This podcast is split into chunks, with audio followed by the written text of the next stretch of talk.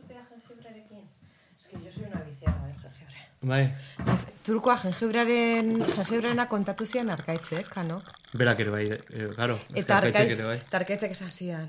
Iratzi jengibrea. Itzaldi bat eman baino aurretik, intzazu horrelako laminatsuak, eta, e, eta Estarria berotzen du. Eh?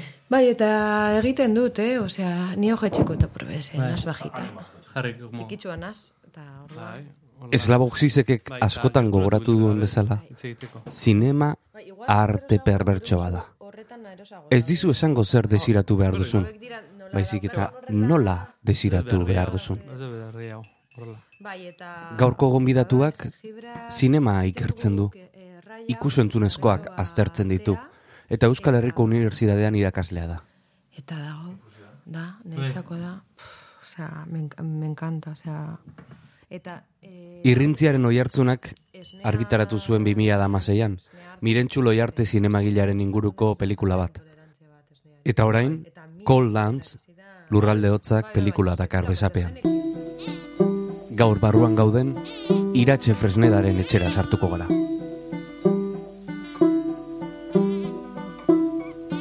nekesia nabaritzen dut. Zare sozialetan sartzen ezenean. Osa, gehiagikeria da. Osa, gehiagikeria, baina gehiagikeria absurdoa, ez da? Osa, zabor eta denbora galtze, galtze bat izugarrizkoa, ez da? Barruan gaude.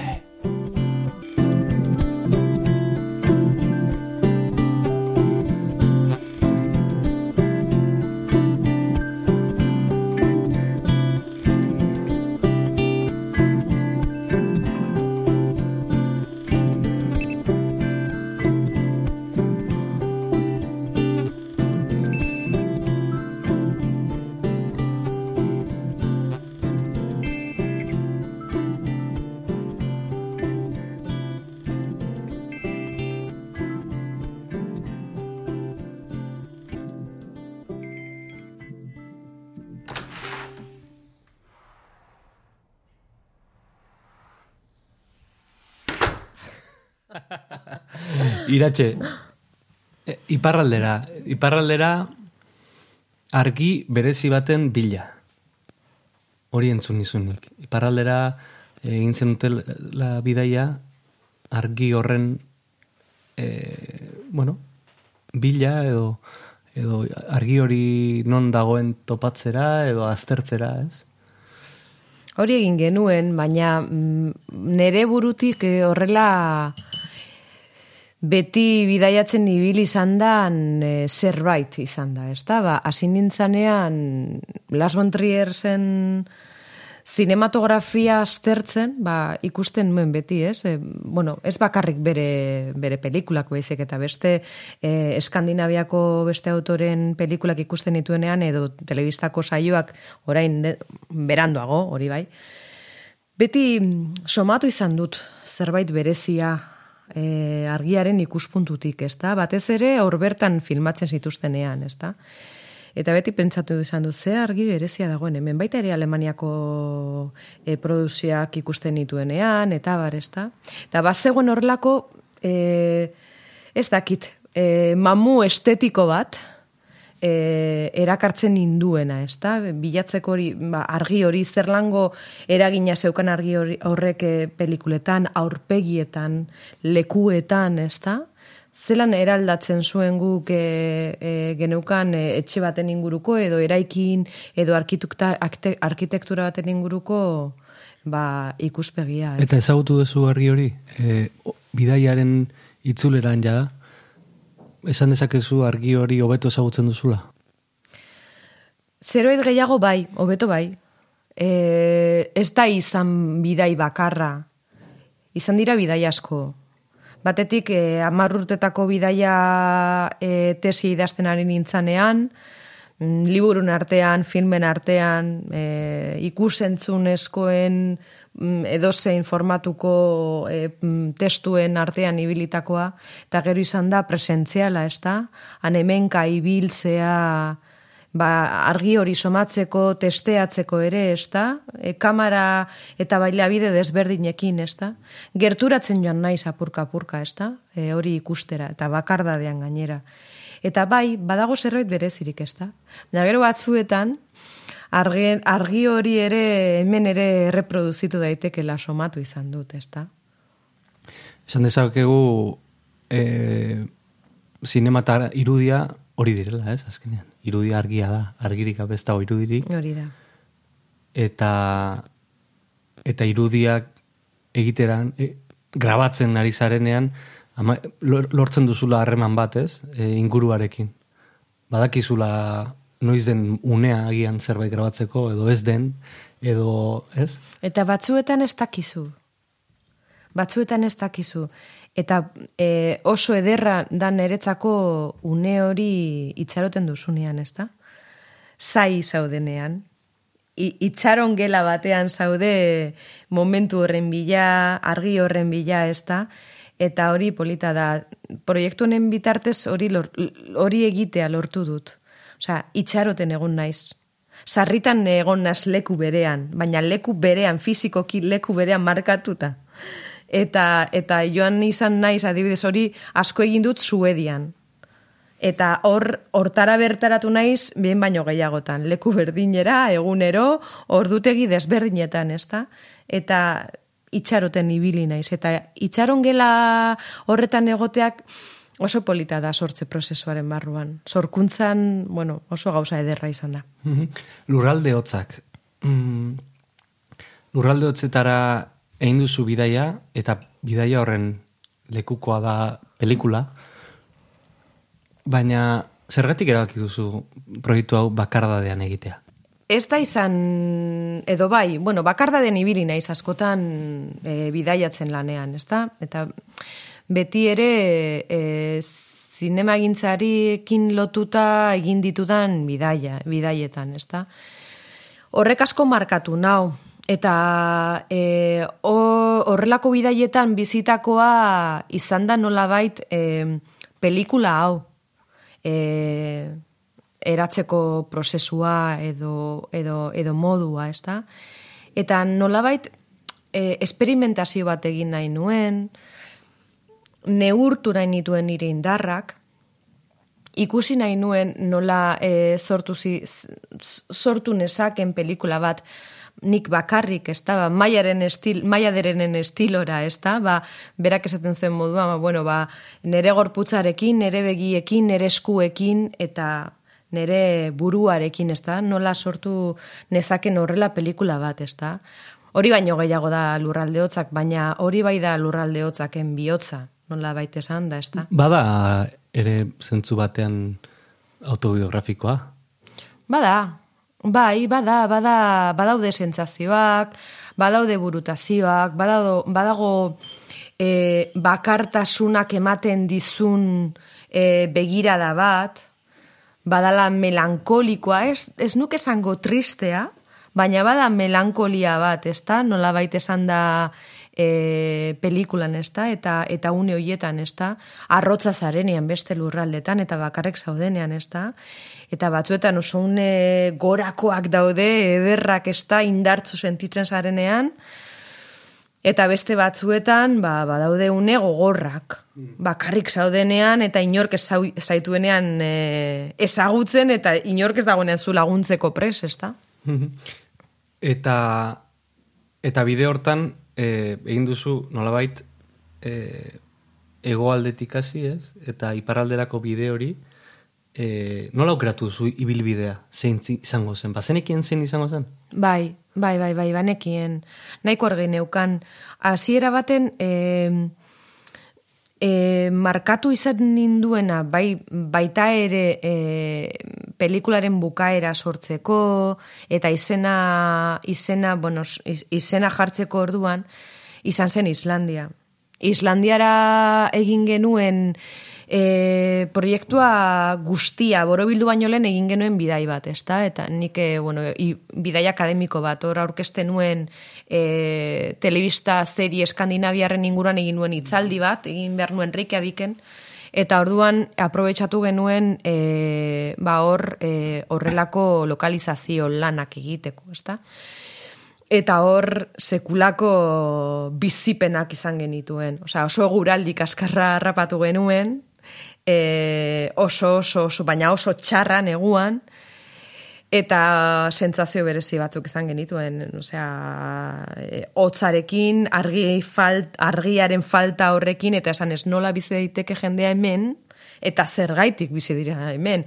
Ulertu dezak, horrelako, abismoaren aurreko erakarpen bat, baina beste aldetik, osea, behar, osea, argia non dago, non dago bizitza hemen, ez da? Ederra da, baina zelako hotza egiten duen hemen, ez da, kokatzo artean. Mm. Fizikoa eta emozionala nola baitere, ez da? E, bueno, ba, ezke, kontrolatzen ez duzunaren aurrean sentitzen duzuna. Osea, natura basati bat, e, sartzen baldin bazara glaziarretatik, akabo. Ostasuna da zure ezagorrietako bat personaki, ala ez, ala zuberoa zara. ez dakit hori, lehen gunean telebistan galdetu zidaten ah, bai. gauza bera. Ze originalani. Ez, baina, ba ez dakit, behar bada batzuk igual ikusiko naute segun ze kontestuetan. Nik ez dut uste e, pertsona berdina naizen, naizenik e, une guztietan, ez da? Hau da, bueno, ba, nere familiarekin edo adizkidekin nagoenean, ba, nik uste dut ba, iratxe bat naiz eta beste batzuetan ba, ba, profesionalki lan egiten dudanean ba, beste pertsona bat izan daiteke, baina nik ez nuke neure burua hotzatzat definituko. Agian eman dezakete irudi hori, ez dakit, eh? Mm. Ez dakit, ez, ez, ez dute neure burua kanpotik ikusten. Baina ez nuke esango, nik uste dut egoarekin harreman handia daukadala, osea, familiarki ere bai, ez da? Mm. Baina, bueno, ez dakit, ez dakit. En, sobre pelikula, lehenengo ze usaindu nuenean, ja, galdera ikurrasko eh, planteatu zizkidan, ez? Edo, bazen, jakin nahi nuen zertzegon horren eh, atzean, ez? Eta, bada pelikula experimental bat, bada pelikula bat harrapatzen zaituena eta arrastaka eramaten zaituena, ez? Eta, eta momentu guztietan, ez? E, sartzen zara eta gero ezin duzu atera. Baina oso zaila da azaltzen pelikula bera, ez? Genero, oiko generotan sartzen baldin bagara, ez? E, ez dut asmatu binori azaltzen zer den pelikula. Eta hori, mm, bada handikap bat zentzu batutan, baina bertute handi bat ere bai, beste zentzutan, ez? Nola ikusten duzu hori zu? Bai, hori da zuzen ere, bueno, batetik askatasunetik egindako pelikula bat da. Neretzako hori daukan e, neretza sortzaile moduan, ez da, e, altxorrik handiena da. Osea, askatasun izugarri dauka. Gogoratzen dut, zure galderari edo planteamenduari jarraipena eginez, gogoratzen dut zer esan zuten distribuidore batzuk e, pelikularen inguruan. Es una película vibrante, es una película vibrante. Pero, pero ¿cómo demonios distribuyo yo esto? ¿Cómo explico? Yo, yo la quiero distribuir, es que la quiero distribuir, es que esto lo tiene que ver la gente. Pero ¿cómo lo hago? Porque es vibrante, pero ¿cómo la defino? Bueno, ba, agian hori da de bertuterik onena, ez? Osea, agian hori da, ez dakit, em, Ez que zinia, ez da defini, ez du defini, definiziorik behar, hau da... Entzuleak ulertzeko, eh, filmean zehar narratzaile bat baino gehiago dago, baina nagusiki zuzara, ez? E, gidatzen gaituen bai. ahotsa. Bai. Baina gero e, pe, esango nuke ies egiten duela konbentzionalismotik eta eta agian e, ikusentzunezko estatu batuetatik datorkigun ikusentzunezko lenguaiatik urruntzen dela erabat, ez? Bai. E, planoak daude, plano geldi asko daude, bai. baina asko erakusten dute era berean. Gainera rekreatzen zera ez, ez zen askotan, ez, e, e, paisaje askotan, personaje ezberdinak ikusten ditugu. Baina zuk bilatu behar duzu nora begiratu, ez? Ez da, bai. ez, pretenzioso zentzurtan, ez? Nahi dute, arriskatua da, baina, baina eramaten zaitu. Beste, ez dakit nork esaten zuen, ez? Es una propuesta impresionantemente honesta. Mm. Esaten zuen, ez? Ez dakit honesta, baina da, ez dut bilatu artifiziorik. Mm Ez dut bilatu. Osa, erabili dut, ez, lehen esaten dudan nuen moduan, ez da, nire eskura zeuden e, baliabideak, e, historio bat, edo pentsamendu bat, edo bizipen batzuk, e, e, ba, zinea bihurtzeko, ez da?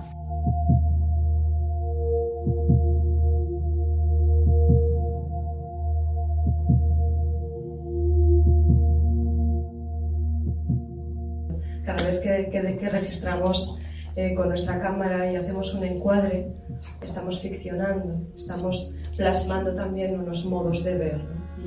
Y, y, esos modos de ver son los que después van a llegar a los espectadores y a las espectadoras ¿no? y les van a hacer también mirar el mundo de una manera determinada. ¿no?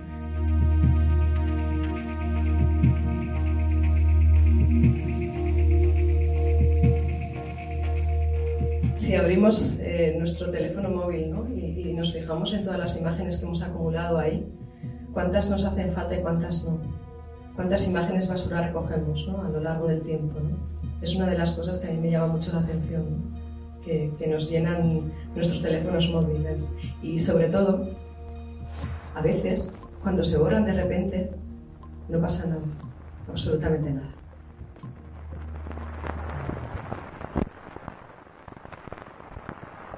Askatasuna bilatzen du, eta askatasun hori nik uste dut azkenengo emaitzan agerian gelditzen dela. Beste, e, zera, Frantziako kritika batek esaten zidan, ze hotza zaren, ze hotza den, bueno, e, behar bada, eta beste batek, eta, eta berak ere esaten zidan, plano estatikoak daude argazkiak, ez dira argazkiak. Baina ez dugu e, irudia eta honekin Raulek entzuten bali Raul, Raul Lópezek esango dira borge. Baina Rauli, Rauli esaten nion, ez txazu e, arindu mesedes eta favorez e, zera, odeiak. Mm -hmm. Utsizazu, mugitzen, naturalki. Bai. Emango du argazki badela, baina ez da argazkia. Hau irudi mugimenduan da. Mhm. Eta, eta, eta batzuk pentsatzen dute argazkiak ez. Erabaki bat dago. Baina gainera argazki... Eh, ez, nik bintzat... Ra, erabaki formala da, eh? Bai. Guztiz. Guztiz da kontemplazioarena. Dudi gabe. Esan nahi nuen argazki bat pantailan jarrita eta e, irudi bo, ikusentzunezko bueno, e, bideo bat edo pelikula bat jarrita segituan nabaritzen da zein den argazkia eta zein ez, ez? E, bizirik daude e, zure irudi horiek bere geldian bizirik daude, ez daude geldi.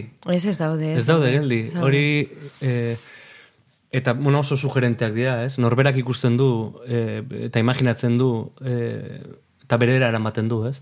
E, galdera bat egingo dizute, agian ez dena ainerresa, ez? E, esan dezagun, pelikula ontako irudi hauek mm, doazela Euskal Zinemak markatzen duen korronteren kontra.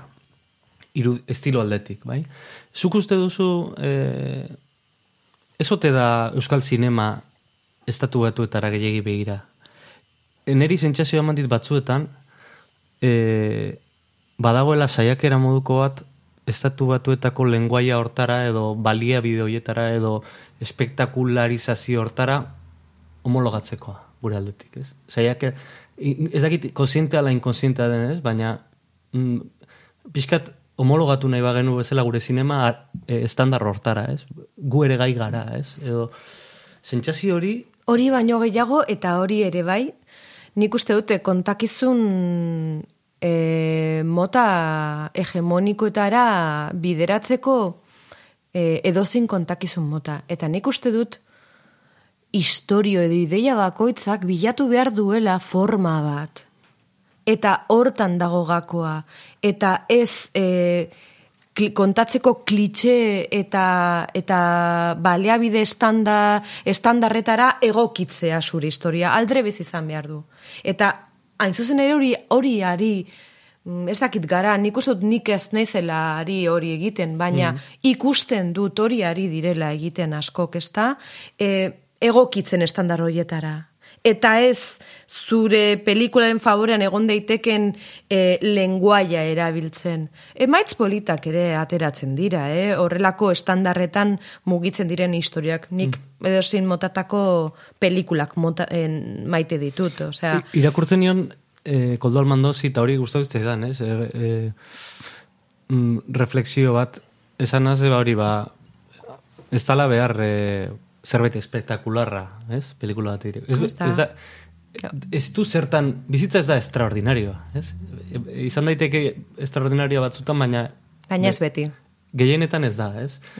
Eta bizitza kontatu behar da, eta hori ere bada sinema, ez? Eta horren aldeko, mm, bueno, aipu hori eh, asko gustatu zitzaidan. Eh. Bai, eske koldok bestelako sinema bat ere bilatzen du eta bestelako formak bilatzen ditu bere ideietarako, ezta? Asko gustatzen zait egiten dituen esperimentuak, ezta?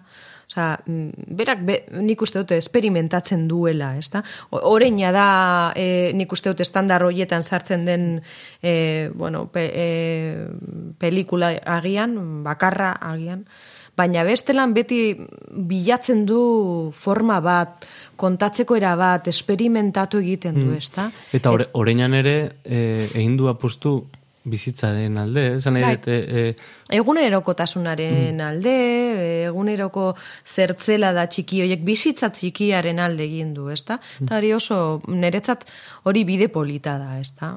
Hori japoniarrek asko e, japoniar e, zinema korronte batzuk eta mm. zuzendari batzuk hori egiten dute eta eta niretzako hori ederra da eta niretza biderik ede, e, politxena ez da beste, beste eta igual saturatuagoak gaude ez da Bai, etengabe irizten zaizkigu bai, bombardatuta gaude ez? Bai, eske ia gauza bera aldatu egiten dira e, aurpegi batzuk, leku batzuk eta mm ia dana berdin e, kontatuta, ez da, orduan horrek ere aspertu egiten gaitu, baina gero badago gure mm, oso e, erosoak gara. Eta orduan kontakizun pop horretan, pop kulturak daukan errepikapenaren kultura horretan eroso sentitzen gara, ezta? Eta behar dugu, ba, etxean bezala sentitu, mm. kontakizun batzuk entzuten, ikusten, irakurtzen ditugunean, eta hortik ezatera, ezta? Ze besteak, eskatzen digu, exigentzia egiten digu, ezta? Pentsatzeko, hausnartzeko, ikasteko, eta batzuetan, gero eta erosoagoak bihurtzen ari gara. Mm gaur egun ba, gertatu da alako ikusentzunezkoaren demokratizazio bat. E, nahiko nuke zure e, ikertzaile figuratik abiatuta e, zenbatera izan da, edo zertan izan da ona demokratizazio hori, eta zertan ez? Demokratizazioa hitzera biltzen dugunean, e, claro, polita da etimologikoki e, esan era jotzea, ez da, da e, denon gobernua, ez da, demokrazia, ez da, eta ez dakit denontzako teknologiaren e, demokratizazio edo teknologian denongo eskuetan ete dagoenik, ez da, bai, e, hemen agian bai, e, guk bizi garen zonaldeetan, baina beste leku batzuetan ez horren beste, eta hemen ere, bat, leku batzuetan, e, ba ez daukate horrelako aukerarik, ez da. E, eman da, e, erosteko aukera bat. Teknologia merketu bate, batetara heltzeko aukera bat, ezta? Baina ez da demokratizatu e, teknologia hori nola erabili ikasteko aukera. Eta hori da klabea, ez da? Askotan teknologiak ez digu guztien importantena ikusten, ez? Ah, hoxe da. E, importantena ez da zerrekin grabatzen duzun, baizik eta zer kontatu nahi duzun. Eta, eta, eta zer noako helburuak dauzkazun, ez da? Osa, erabilpena.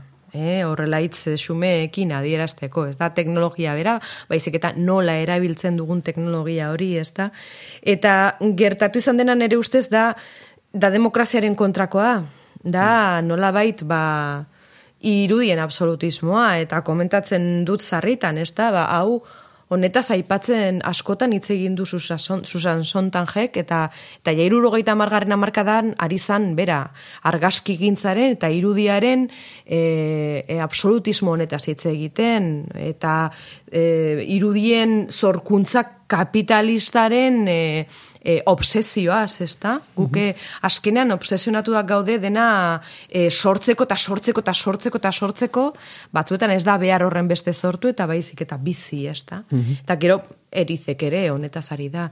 Nork sortzen du, nork dauka aukera sortzeko eta ez bakarri sortzeko baizik eta masiboki edatzeko eta eragin bat izateko, ez da? Hor ez dago demokratizazio horik. Glen egon gara komentatzen gubion artean zein zaila zen pelikula bat distribuitzea. Bai. Eta esan da, produktu amaituta daukagula, diruarekin eginda, bai. kutxun, dotore, eta ala ere... Zaila da. Zaila da erakustea Beraz, demokratizazioa ze puntutara arte. Bai. Dana da purtsu bet komplikatua, eh? Bai, e, dena erregistratzen dugun garaiotan ze balio daukat dokumentuak. Hombre, norberak eman nahi diona, ez da? Baina nor, normalean e, e, dokumentuak izaten duten balioa ez da bakarrik dokumentatutakoa, baizik eta gero kartzen duen interpretazioa, edo egiten den interpretazioa, jendeak egiten duena. Dokumentuaren erabilpena oso importantea da. Ze kontestuetan atera erabilpena, erabilpen hori, ez da? Asko, asko itzen dugu mm, barruan gaudeko aurreko elkarrezketetan askotan atera da ba e, ikusentzunezko tendentzia berrien gaia, ez? Ba, YouTube dela e, milenialen edo milenial belaunaldiaren impultso hori, ez? Dana grabatzeko, selfieak atera, e, sare sozialetan dana partekatzeko, norbere buruaren komunikazio arduradun izateko. Garai berri hauetan, e, iratxek nola bizi du e, sare sozialen mundua, e, eta impulsi, impulsibidade hori irudiekiko. Ba, niri ni lehertuta bukatzen dut. Osa, e, nekesia nabaritzen dut. Zare sozialetan sartzen ezenean. Osa, gehiagikeria da. Osa, gehiagikeria, baina gehiagikeria absurdoa, ez da? Osa, zabor eta denbora galtze, galtze bat izugarrizkoa, ez da? Une batean ematen zuen horrelako ilusionantea iruditzen zitzaidan, benetan, osea, oso polita e, gauzak egitu eta bar, ezta? baina orain batzuetan sartzen naizenean, ba, bueno, partekatu nahi duzunean zerbait, somatzen duzu inork zaituela entzuten. Inor, e, ba, gu, gutako bakoitza bagaudela gure gure kokatxo artean saltzen, eta besteak ez ditugula entzuten, ezta? Eta gehiegi, e, danok saltzen dugu berean, gure ideiak, gure pentsamenduak, gure, bueno, botaka egiten dugu sare sozialetan, botaka egiten da, eta irudiekin ere egiten da, hori. Edo zin gauza. Ez mm, pornografia da, mm, pornografia utza da, oza, niri etzaite importa zer jaten duen honek besteak, eta mm, zertarako. Eta Hau, ontaz asko itzitun zuzure ikaslekin ere, hortaz, e, jabetu nintzen, horrekoa.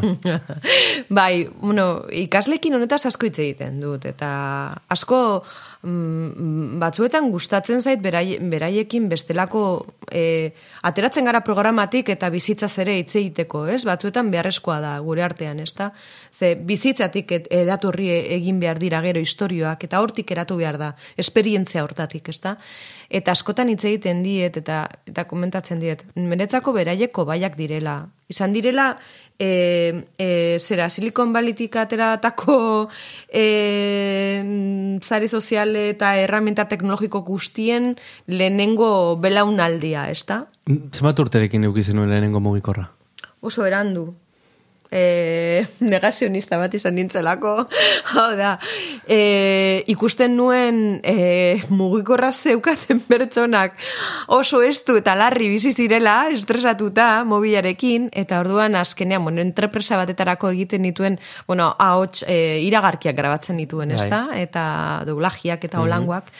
Eta orduan, baina eske zaudi inoiz ezin zaitugu lokalizatu, eta ez dakit zer, ba ez dakit, Be, ia, goita marrutekin edo lan. Goita marrutekin. Goita sortzi edo... Mm. Hortik kutsi gora bera. Horri izan nuen lehenengo mugikorra ez. Baina erori zinen. Bai. Danok erori gara. Danok eta badaukat mugikorra eta batzuetan herri eta egiten dit aizpaka adibidez, ez da.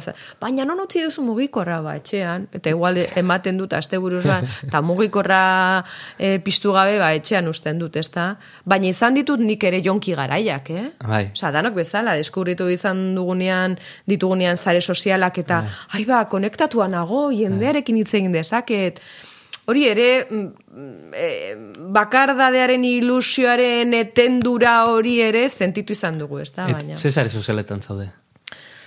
Ba, pf, ia, ia guztieta. Bai. A ber, e, bueno, bikoteaz dut bilatzen. Osa, mm. horrekin amaitu ja, etapa hori vale. mukatuta daukat, ez da, setuta, baina... Bai. E, Behintzat orain, orain goz. E, e, Twitterren nago, e, Facebooken nago, eta gainera kasualitatez nago, eh? Zare sozialetan. Bai. Facebook oso berandu izan nuen, eh? Facebook eta Twitter oso berandu izan Oso nituen. berandu. Oso berandu. Facebook, Twitter, Instagram, gero LinkedInean, eta ez dakit zergaitik mm, hor nagoen, ez dut ulertzen. Nire banago eta nik ere ez dakit zer. Ez dut ulertzen, Ez baina hor Ez nago. dite zertarako balio izan. Ez, osea, hor dago, badauzkat lagunak hortik eh, abiatuta lana aurkitu duten, eh? 2000 eta amabitik zaude Twitterren. Bai, 2008tik. Eta ez dakit, e, Facebook, Twitter, Instagram, orain dela. Selfieak, selfieak ateratzen dituzu? Beitu, selfieak niretzako izan dira oso, mm, e, nola esaten da, e, bai, ateratzen ditut. Izan dira oso gitxi, eh, oso Bai. gitxi. Baina nola esaten da zerbait osatu egiten zaitunean? Terapeutikoa. Terapeutikoak. Bai. Ze, e, ez zait gustatzen e, kameraren aurrean agertzea. Ez Mm. dut izan, ez dut izan interesik horren, horrekin, ezta? Eta beti bili naiz ni besteak erretratatzen, bai familian eta bar eta bar. Eta orduan ni oso lotxatia nintzen e, ba, argazkiak ateratzeko. Eta badaukat lagun oso on bat Silvia, eta berak esaten zian, Silvia, selfieak aterako, ez ez, ez dudala nahi, venga selfia, eta, ben, eta bera zan oso selfiaren maitalea. Bai. Bai, venga selfia, eta venga selfia. Eta azkenan ja, bueno, ba horrek, albideratu nau, ba neure burua ere nola baito onartzen kamararen aurrean. Bai. Eta, e, a ber, nago egunero, ateratzen ez ditut, a- bero ateratzen Bai. ditut, Ja. oso noiz behinka, oso noiz behinka. Baina, baina, bueno, hor esperientzia berezi izan du nik selfieekin, ez da? Zure irudia nolabait e, erregistratuta ikustearen onarpen hori, ez da? Mhm. Hau, Ikuspegi hortatik begiratuta bai, bai. Ez dago beste ikuspegia ez. E, sare sozialetan etengabe tortze zaigun bombardea, Bai. bombardak eta norbere... Buruarena, jende- ez da, hori- ar- nik ez dakit, Itzela iruditzen nik zait. gogorra ite zait. Niri oso gogorra iruditzen zait. Osea, oso gitzitan e, egin dut. Oso gitxi daude, nik Bai. egindako selfieak hortik. Bai, nik ere ez, dut egiten. Ez dut egiten. E- Egiten ditut neretzako, egin izan ditut neretzako. Bai, edo WhatsApp bidez aitari bidaltzeko. Bai, hori da. Bai. Baina Da, bai. oso esparru intimoan. Bai. Osea, ez, ez da nere... Dakit. Bueno, baina nortasunak eta nortasunak daude. Ez, Bai. ez naz oso exhibicionista zentzu horretan. Ez naz izan inoiz bez. Neurria da beti kontua, ez? Ez Bai. da, ez gara jarriko, eh, bueno, taliban, baina, ba- baina ba- neurria hor dago, ez? Eta ba- bada jendea egun osoa pasatzen duena, bere irudia proiektatzen, ez? Bai, bai. Da, gurtze, norbere buruaren gurtze moduko bat etengabekoa hori, ez? Bai, jo, go, niri gogorra irutzen zaite. Bai. Eta nekagarria ere, bai. Nekagarria. Eta YouTuberen inguruan galetu nahi dizut. E, eta tendentzia bat oso oso e, bogan dagoena gazten artean. Ekarri dituena gauza interesgarri asko ere. E, Lander Arretxeak e, egin nion elkarrezetan esaten zuen, traparekin alderatzen zuen, ez? E, punkarekin, ere bai, ez? Trapa punkarekin eta, eta YouTube ere hor kontestu hortan kokatzen zuen, ez? E, nolabait mm, norbere etxean e, aurre juzkoak albo batera utzita norbere modura e, beste lenguaia bat sortu delako hor, ez? Edo lenguaje bat e, e, espazioak berak baldintzatu duena, ez? Gero beste gauza bada ze diskurso Bai. eta ze, ze e, ideologia zabaltzen diren hortik, ez? Baina bai zabaldu dela genero bat, ez? Hortik e, sarean. E, Bai, osea, kuriosoa da fenomenoa, garai baten hasi ginen zerbait ikertzen horren inguruan, talde bat bildu ginen, soziologo bat, Bai. e, teknologiako aditu bat, hor e, ikerlari bat hor experimentatzen ari dena parke teknologiko baten hemen, bildu ginen irurok, proiektu bat egiten, horren inguruan, finantziazioa bilatu behar genuen eta danok lan, oso lanpetutak geunden unibertsitatean eta ezinezkoa zitzaigun e, garatzea, e, nahiko gerturapen batzuk egin genituen. Eta, bueno, mm, pff, nik zalantzak ditut. E, YouTube, YouTube azkenean plataforma bada. bai. YouTube YouTubeen egin dez, egiten duzuna edo zein lekutan egin dezakezu, ezta? E, gauza bera. E, neri gehiago iruditzen zait e, YouTube, YouTubek markatu duela kontakizun norabide bat, Mm. e, nahiko estandarra izan dena, eta, bueno, sin más. Ez zaitu erakartzen. Ez, ez, ez, ez nau erakartzen, osea, ez nau erakartzen. Mhm. Ez nau, ez nau erakartzen, osea... YouTubek integrarre daukana, egi, arrazoi duzu, azkenean e, plataforma bat besterik ez dela, baina bai masibo bihurtzeak, ez? E, masa komunikabide bihurtzeak nola bait, eta sare sozialaren eduk, e, egitura eukitzeak e, ba, eragin dituela olako kom- komunitate berri batzuk sortu dituela, ez? E, Bai, eta badira, eta badira, e, jende gaztearen artean, ba, badago, e, badago komunitate bat, ez da askotan, ba, ba, alabak, alabekin konprobatu izan dut, ez da? Batzuetan hasten direla horrelako kontakizun batzuk jarraitzen, eta baresa. Eta, bai, itzelak, itzelak dira. Eta esaten diet, zer kontatzen dute? Zer egiten dute? Zergaitik hitz egiten dute era honetan? Zertaz ari dira? Pentsatu apurtxu bet, esaten. Ikusi, eh? Osa, nik, nik nahi dut beraiek dana ikustea. bai. Osa, dana ikustea. Baina jakitea eta jabetzea zertaz, zertaz ari diren, zer dauden egiten, eta bar, ez da. E, mm, YouTube ondo dago, baldin eta e, gehiago baldin badago plataforma edo kontakizun estandar batzuetara lotzen gaituena baino. Atzetik baldin badago kontestu bat eta eta baldin badago ikasketa bat, eta baldin badago esperimentazio bat, eta jakintzaren bila doan zerbait. Bestela norbait ikusteko beretzean, zapatietan kontatzen zegoai den, eta ez dakiz zer, eta danerik dago, askotarako ematen duelako plataformak, osea, e, baina gero badago zentzura ere plataforma horretan. Beraz, e, hori da Bai. gertatzen dena, ezta? Kanponaren beste alde. Bai, bai, bai. Bere alagatoz. Zuzeu podcastek hiru saio argitaratzen ditu astero-astero. Astelenetan, barruan gaude elkarrizketa saioa, entzuten ari zarena. Asteazkenetan, maite goinek zuzentzen duen, amar minututan, teknologia eta hezkuntza saioa. Eta ostiraletan, Arrat Hernandezen kargura, zuzeuko bipareta. Arpidetu eta entzun zure audio plataforman. Zuzeu podcast. Zure hizkuntzan mintzo diren istorioak.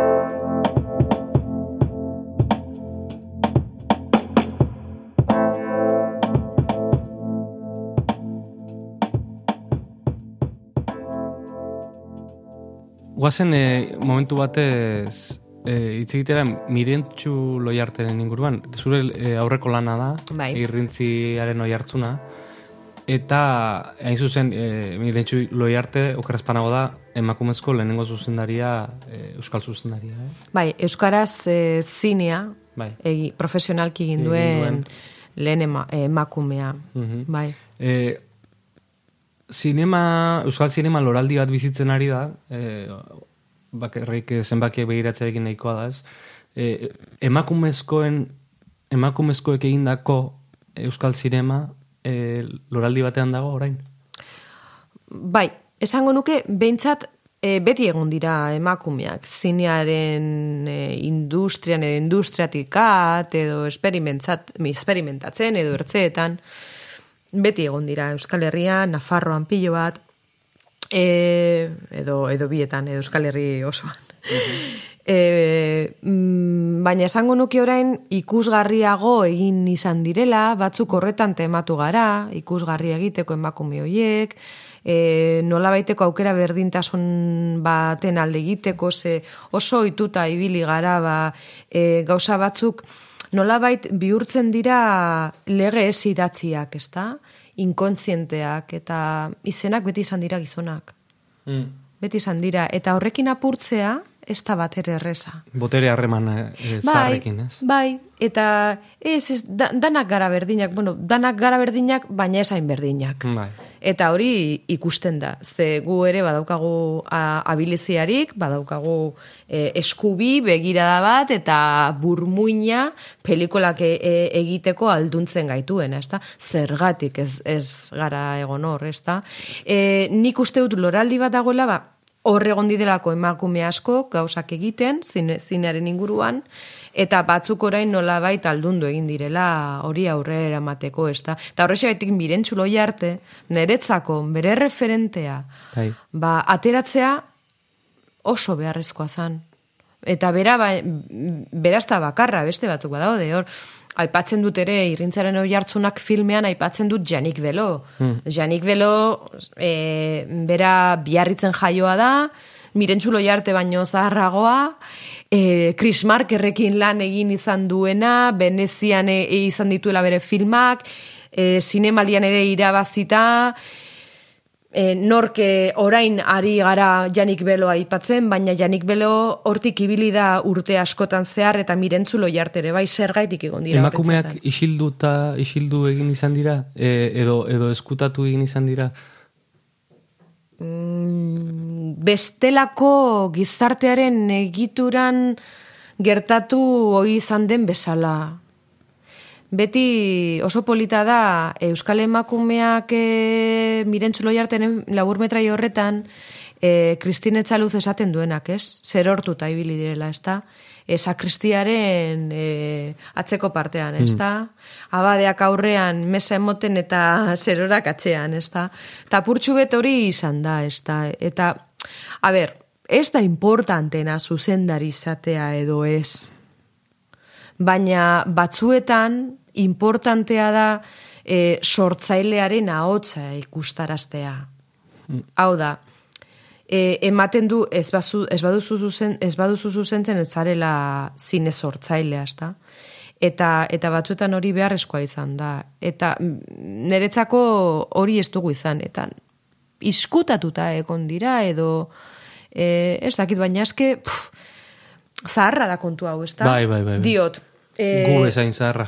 Baina ez, e, bueltasko maten dizkiotu azken aldian horri, ez? Bai feminismoari eta nere gizon e, et, heterosexualaren e, roletik oso zaila da, ez? E, e, bueno, kenduko eto oso zaila da, ez da zaila, baina baina bai bueltasko man dizkiot, eh? Nola izan feminista, ez? E, E, eta nola autokritika egin ere botere txuaren e, perfil horri, ez? Ze... Da, zuek ez duzuen, zuek ez arete oartzen. Ez pa, hori, da, e, hor dago arazo. Horrela jaio zaretelako. Hor dago arazoa, eta askotan bakizu zer egiten dudan ulertzeko e, Euskararen arekin parekatzen dut. Bai. Eta orduan konturatzen naiz. Claro. Esaten dut, ostras, gaztelania ele bakar bat, ez da konturatzen. Claro. Askotan, eta kritikatzen dugu ez dalako konturatzen geure kondizioaz, ez? Eta gero hori estrapolatzen dut gizon heterosexualaren era, ez? Eta, eta bueno, buelta asko mandizkiot, ez? Nola, nola saiatu nere lekutik gauzak aldatzen. Espaita denon artean Baina guk ere bai egin behar dugarik eta hori, eh? Bai. Dio, temakume askok. Osea, ze, batzutan, e, osea, nola baitere gu ere zitu gara zuen kultura berdinean. Mm. Osa, behar bada bakoitza familia baten, eskola desberdin batean, et, erreferentzia desberdinekin, baina, bueno, aman komunean bai, bai. dauden gauzak izan ditu gure eskuntzak, ez da? Bai, bai. Eta, eta horrek ere markatu gaitu, eh? E, gure be, posizionamendua definitzerakoan, gizone emakume bezalakoa izaterakoan, edo ze, ze pertsona mota izango nahi zen. Mm. Osa, nik prozesu bate banabil egiten aspaldi, dezikastearen prozesu horretan, ez da? Nola dezikasi irakatsi didaten edo gizarteak eskatu izan didan emakume tipo hori izaten, ez da? Ze batzuk emakume askok gizoneskoen ereduak, e, edo gizonesko estandar maskulino heterosexualaren eredu, e, maskulinitate eredu konkretu bat bati lotu izan dira e, nolabait gizartean superbizitzeko. Mm, nik... E edo jendartean hobeto esan. Eta gero ikasketa prozesu bada bizitza bera, ez? Ez dakit, eh, erramentak topatu berretuzu eh, korronteari aurkaiteko, ez? Esan nahi bai. dute, eta askotan eskolan ez dira ematen, erramenta horiek. Bai, hortaz hitz egiten dugu asko gurean. bai, eta etxean ere, ez batzutan. Etxean ere, bai, etxea oso importantea, oso importantea da. Eta nik esango dizut, nik e, e, ikasi, mo, dana da ikasi, ikasia, ez? Baina, Baina bai asko, mm, segurazkian kasartu ere egin dut, eta, eta azkenen ikasten zoaz, ez? Eta zehatzezea, e, bueno, pesten lekuan jartzen, e, eta aldala hobetzen kontua, ez? Ez da erresa. Ez, ez da erresa, nik hori nabaritzen dut asko alabekin. Nik e, saiatzen naiz, e, saiatzen naiz, eh? Ja, ni- Batzuetan lortuko dut, beste batzuetan ez. Bai, nik ere hor, eta horre respeto handia ematen dit, ez? Alabarekiko, oain guk ere alaba daukagu urte eta hilabete batekoa. Bai. Eta horrek eh, bizitza aldatzen dizu, hortan, esparru hortatik ere bai, ez? E, nik oso argi daukat hezkuntza ez dela eskolaren gauza bat, ez? Bai. Eskola bada, baina etxea pila bat, Bai. eta gizartea ere bai. Bai, bai, bai, bai. Eta oso, poli, ez, oso kontu politikoa da, baina ez bakarrikan, ez hezkuntza lotu izaten dugu, lotzen dugu askotan unibertsitatearekin, eskolarekin, eta Ez, ez. horti- hori gainditzen du, ez? Eta hor ba- badakat obsesio txiki bat, ez? Da, ze, Importantea da. ze transmitituko dedan nik, ez? Ze eredu emango diodan, zer kontatuko diodan. Bueno, nik uste guraso guztiek edukiko dituzte Bai, galderak. bueno, batzuk gehiago, beste batzuek gutxiago ere bai, eh? Pe- ez pentsa, danok Bai. eh, ez, ez gara arduratzen gauza berdinen gaitik, ez da, ez dakit hemen, mm, adibidez, kirola praktik, praktikatzerakoan, ez Bai. Ba, ba, ba, ba nere etxean neskabi ditut, eta praktikatzen duten kirola da hor ikusten surfa, Surfa. eta eskeita. Begira. E, baina badaude panpinak, e, panpinen etxeak, edo, bueno, danerik dago, ez da? Bueno, aukerak izan ditzatela eta batez, batez ere esperimentatu dezatela. Eta gero oso importantea da, nik ez naz, e, gure ikastolan Montessori metodoaren gauza asko erabil zituzten bere garaian, eh? Ni orain eh, hau- hausnartuta eta horren, ez da? Eta da, bizitzaren gauza guztiekin esperimentatu alizatea, ez da? Eta nik hori utzi izan diet beti. Joan daitezela sukaldera eta hartu dezatela dena, claro, etxea gero hankasgora beti dago. Baina sukaldera eta jolastea horrekin, sukaldeko gauzekin, nere liburuekin, makinekin, argazki makinekin, eh, besteekin. Bai. Eta, bueno, mm, bestelako erlazionatzeko bide bat izango dute, ze batzuetan asko markatzen ditugu mm, berriro voltatuko gara teknologiara, tabletetara, askok orain tableta uzten diete aurrei eta hor konpon, ez da? Baina, bueno, izan daiteke tableta, baina izan daiteke ere sukaldeko ontziteri guzti hori, ez da? Praktikatzeko. Tetuan. zer keraman zaitu? Ba, bizitzak. Bizitzak berriro ere, ez da? E, bizitzatik abiatutako historio bada. Ez dakit nola egiten duzun, baina beti galdera ikurrak lagatzizkiazu, eta dakat ja tetuanen inguruan jakiteko, oh, badakit oraindik goiz dela, ez? Baina, Garatzen ari gara, bueno, historia da, ia, filmea daukat buruan ja, eh? Mm. Ja badago buruan. hori importantea da. Bai, burua dago, non lokalizatuta, zer nahi dudan kontatu, pertsonaiak, historia orain ari naiz forma bilatzen. Mm. Forma bilatzeko prozesua zaiena da. Politena, niri asko gustatzen zait, prozesu hori. Aurrekoan rutmoi bat egin genuen, Bai. orain nabil pentsatzen zer nolako forma emango diodan. Eta tetuan da, ba, nere bizitzaren, nere bizitzarekin lotura hand- handia daukan leku bat. Ez ni hor eh, jaio naizelako, edo nere aita horrezitu izan zalako, Eta, bueno, ba, hor badauka lotura importante bat gero kontatu nahi dudanarekin e, ba, migrazioaren inguruko ba, horrelako bidai bat ere bai, ez da? Zer gara, zer gara pertsonok, oza, zer nolako pertsonak migrantea garela, eta gizarte guztietan, garai guztietan, eta leku guztietan mugitu izan garela Baina gero aztu egiten zaigu. eta aztu egiten zaigula, asko eta askoi, astu egiten zaigula, baitu orain, ba, e, hil egindan e, Santi Mutil honena Macfatimak sekulako e, ematen ari da komunikabietan, ni aluzinatuta nago berarekin, osea, flipatuta. Eta berak oso ondo asaltzen du, ezta? E, zer, zer ez da zent, zer ez dan e, aldarrik, aldarrikatu behar, eta zer den aldarrikatu behar duguna, e, iza, e, pertsona migrante bezala, ze ganok bagara. Eta horren inguruko historio, historio bat sortzen ari naiz. Historio asko, lau historio dira, pertsonaiekin, Ez dugu spoilerrik egingo. Ez, ez dugu spoilerrik egingo, baina, bueno, e, kasu honetan egualdera joango naiz, argia izango du, Euskal Herriarekin harreman itzugarri izango du, zuzena, eta beste herrialde batzuekin, eta, bueno, umore asko egongo da pelikulan. bai, umorea ere egongo da. Bozkatu duzu azkenengo autoeskuntza? Bai. Bai, Bai. importantea zen. Bai, bai, netzako importantea da. Batzuetan e, oso, bueno, e, nahiko anarkista naiz, baina oso garrantzitsua iruditzen zitzaidan boskatzea oraingoan.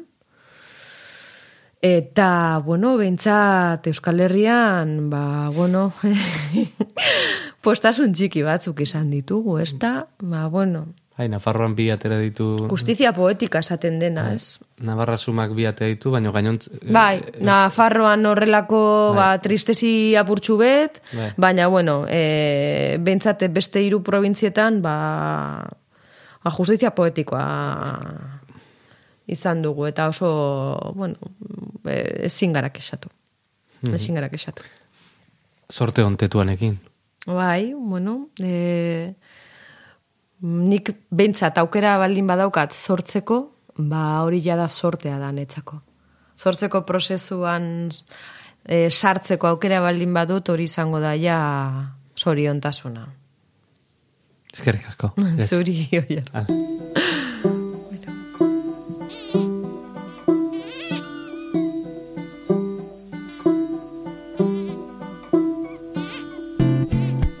Amaitu da barruan gaude saioaren beste atal bat. Itxi dugu iratxe fresnedaren etxeko atea, eta bagoaz beste norabaitera. Eskerrik asko bestaldean zauden entzule hori. Badakizu, partekatu, zabaldu, arpidetu eta entzun. Urren arte.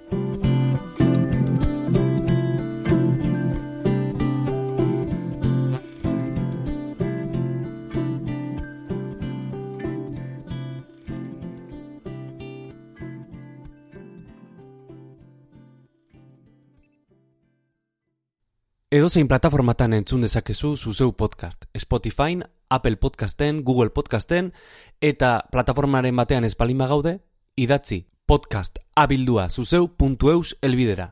Hori da podcast abildua zuzeu.eus. Eta segidan igoko dugu plataforma horretara ere gure edukia. Eskerrik asko eta hurren arte.